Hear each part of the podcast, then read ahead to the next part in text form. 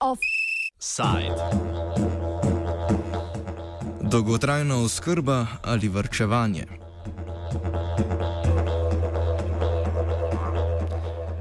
Zaključuje se javna razprava o predlogu zakona o dolgotrajni oskrbi, ki ga je v sodelovanju z Ministrstvom za delo, družino in socialne zadeve pripravilo Ministrstvo za zdravje. Ta predvideva vzpostavitev novega obveznega zavarovanja za dolgotrajno oskrbo, s katerim bi krili stroške oskrbe starejših tako v domovih za starejše kot tudi na domu. Poleg tega zakon definira, katere pravice posamezniku iz tega zavarovanja pripadajo.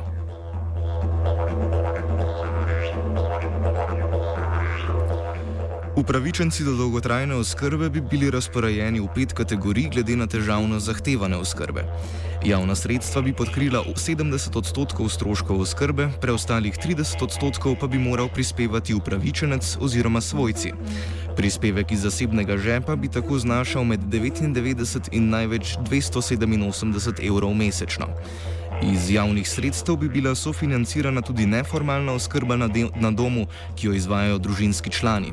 Višina tovrstnega financiranja bi zavisela od zahtevnosti oskrbe in bi znašala največ 422 evrov.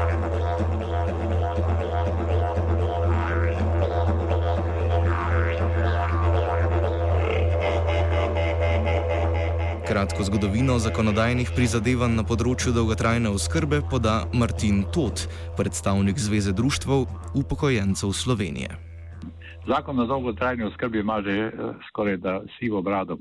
Prvi začetki, prva ideja, da bi tak zakon v Sloveniji naredili, sprejeli, izhaja od leta 2002. Narejeno je bilo že več osnutkov, več verzij, vedno se je zataknilo pri denarju ker je vedno na razpoložljive, sedaj razpoložljive vire in na tisto, kar bi potrebovali, bil razkorak tam med, po različnih ocenah med 90 do 130 milijoni. Eh, no, ves ta čas se populacija stara, potrebe rasejo, če dalje več ljudi je v stiski, ker potrebuje pomoč nekoga drugega pri upravljanju temeljnih dnevnih aktivnosti, eh, kar rešujemo zdaj na zelo različne načine ali slabo, plavnem na račun družinskih članov ali tudi, da koga zanemarimo, ker seveda v sodobni družbi ni primerna, ni, ni spremljivo. Zato tudi ideja, da končno uredimo tudi še to vejo o socialne varnosti, posebnim zakonom o zavarovanju za dolgotrajno oskrbo po vzoru nekaterih drugih držav, med katerimi seveda prednjači Nemčija, ki nam je glede tega tudi vzor. Aktualni predlog je med javno razpravo sprožil nemalo pomislekov. Ostro kritiko so nam naslovili tudi v skupnosti socialnih zavodov Slovenije. Po besedah sekretarja skupnosti Jake Bizjaka je temeljni problem predloga povečanje finančnega bremena za posameznika in krčenje sredstev, ki bi za programe oskrbe prišli iz proračuna. Ja, že do zdaj smo tako izvajalci, kot tudi uporabniki ocenjevali, da pač izredno veliko storitve dolgotrajne oskrbe plačujejo uporabniki iz žepa. Uh, to tudi uh, pripravljavci tega osnovnega zakona uh, povejo. Ne?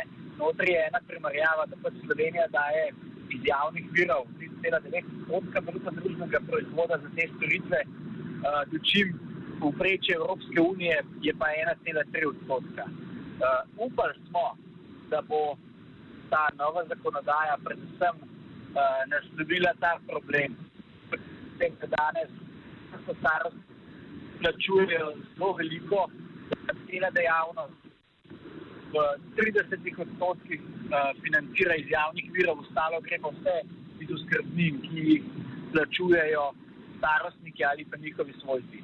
Žal tega nismo dobili s tem zakonom, se tega niso niti dotaknili.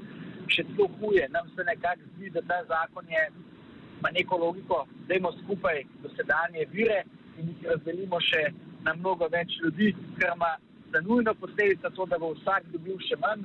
Uh, po naših izračunih so pa delač najslabši prišli skozi najbolj uh, zahtevni stanovalci oziroma stanovalci, z, ki so najbolj odvisni od tuje pomoči pri dnevnih aktivnostih.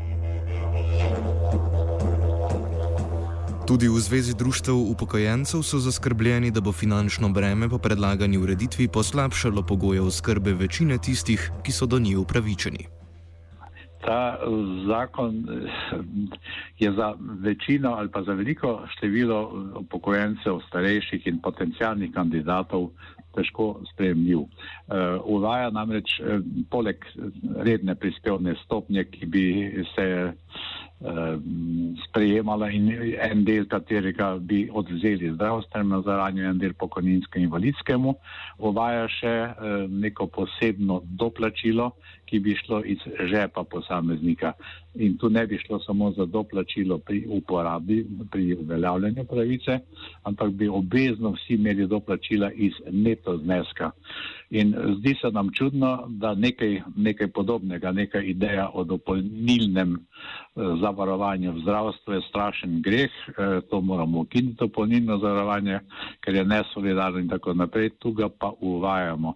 Se pravi, neka, tako kdo rečeno, neka dvoličnost predlagatelja zakona. Uh, Krati so te obremenitve relativno visoke, zlasti če pomislimo, da je v našej sredini um, precejšnje število pokojенcev, ki imajo tam okrog 600 ali pa nekaj evrov čez, ti bi izredno težko prenesli vsa ta bremena, zato smatramo, da zakon ne prinaša ustreznih rešitev. Bizjak ob tem izpostavi tudi razlike v aplikaciji takšnega modela oskrbe v Nemčiji in pri nas prav tako je zelo zanimiv podatek, da ta zakon je povzet po nemškem modelu, uh, isto je pet nivojev pravic, ampak v Nemčiji peti nivo nese, prenese človeku uh, pravice v nesku v obsegu 90 odstotkov tamkajšnje povprečne neto plače, slovenski peti nivo pa slovencu prenese uh, nekih 60 odstotkov slovenske neto plače. Ne? In v neki dejavnosti, kot je uh, skrb za starejše, kjer je daleč največji strošek, strošek dela, to zelo jasno pove, da bomo morali za naše starostnike oziroma za naše starše skrbeti uh, za mnogo uh, za manj kadra kot danes. Kar naj bi predlagatelji sicer naslovili, a je po mnenju sogovorcev nezadostno definirano, je prioritiziranje oskrbe na domu, dokler je ta možna, nad institucionalno oskrbo. Tot. Seveda so socialni zavodi prizadeti in tudi protestirajo in imajo vrsto pripomp na zakon, ampak eh, osnovna usmeritev naj ni, da čim več ljudi spravimo zavod in jim tam zagotovimo neko, eh, neko varnost in tako naprej osnovno je tisto, da jim zagotovimo to varnost po možnosti doma. Šele, ko, so, ko ni več možnosti, oziroma ko je ta, ta oskrba na domu toliko zahtevna, da je ni mogoče več doma izvajati, naj bi bil neki zavod. In to ni neka nekovalna bolnišnica, niti podaljšana bolnišnica, ampak je prav zavod, ki skrbi za ljudi, ki so potrebni pomoči drugih pri upravljanju dnevnih temeljnih aktivnosti. To pa je pomoč pri hranjenju, eh, oblačenju, pitju, odvajanju, prezdržavanju osebne higiene in tako naprej. To je posebna definicija Evropske komisije za življenjske razmere. Prav tako naj bi bilo v predlogu malo pozornosti namenjene vlogi socialnega dela programov oskrbe, kar naj bi se poznalo tudi v kadrovski politiki. Tukaj je zelo zanimivo, da te osnutek vse, vse podreja zdravstvu. Tudi kadri so, bodo ponovno samo zdravstveni kadri, čeprav so doslej to te dejavnosti, institucionalna varstva ali pa tudi pomoč na domu, čisto uspešno vodili socialni delavci in drugi kadri. Uh, prav tako se ta zakon fokusira samo na te temeljne življenjske aktivnosti oziroma fiziološke potrebe vsakega posameznika, vsem pa pušča pri strani uh, vse socialne potrebe posameznika. Tukaj pa slovenska skrb za starejše se je pač v zadnjih 30 letih naredila zelo velik korak od izključno fizioloških potreb oziroma od nekega telesa stanovalca v uh, pač pristop k stanovalcu kot nekemu celostnemu človeškemu bitju, ki ima tako fiziološke kot uh, tudi uh, neke socialne potrebe. In če bo šlo to tako naprej, pa predvsem ob zelo nizkih zneskih, ki jih podajo starostnikom, bomo pač uh, prišli do neke zelo žalostne realnosti, da bomo na, na naših domov, kjer se trudimo, da je čim več življenja, dobili neke hiralnice, kjer bodo pač umiti uh, in nahranjeni starostniki gledali v zrak in čakali na neizbežnost. Demografski podatki, ki kažejo, da bo v roku naslednjih treh desetletij precej več starejšega prebivalstva, kot so ga predlagatelji upoštevali, je po totovem mnenju še dodaten razlog za delno spremembo predloga. Težko je reči, kaj se bo zgodilo. E, namera je vsekakor dobra.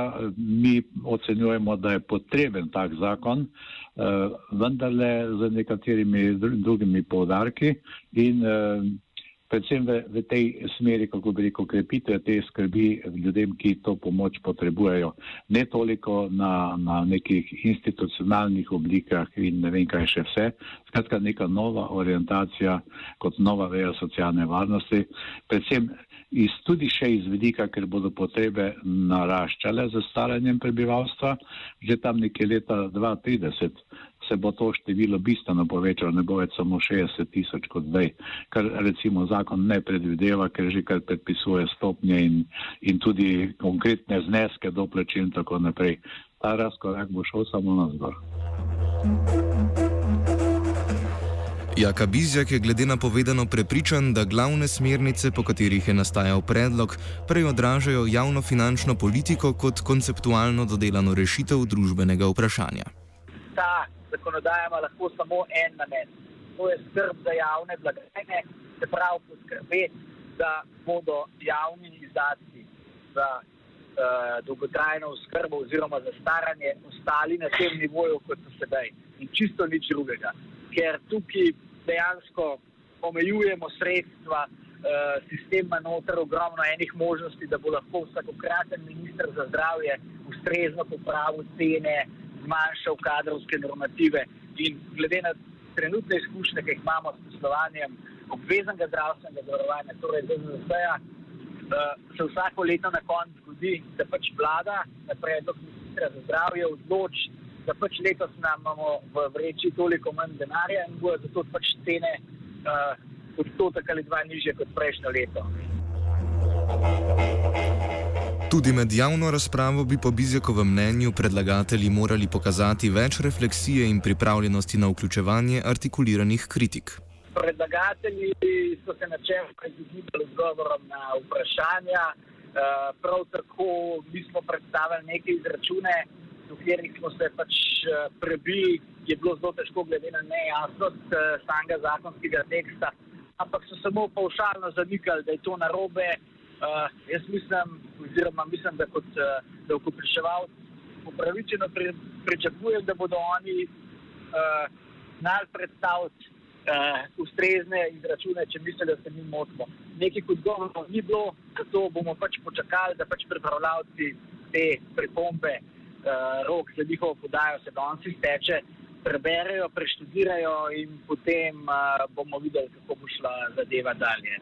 Uh, predvsem čakamo pač odgovore na uh, vsa ta vprašanja, ki smo jih uh, deležniki dali, in menimo, da pač tako uh, pomembno zakonodajo je pač treba sprejeti z nekim uh, soglasjem deležnikov, ne pa, deležnikov, ne pa da smo uh, praktično vsi tako od bodočih uporabnikov, kot izvajalcev, kot tudi ostalih proti.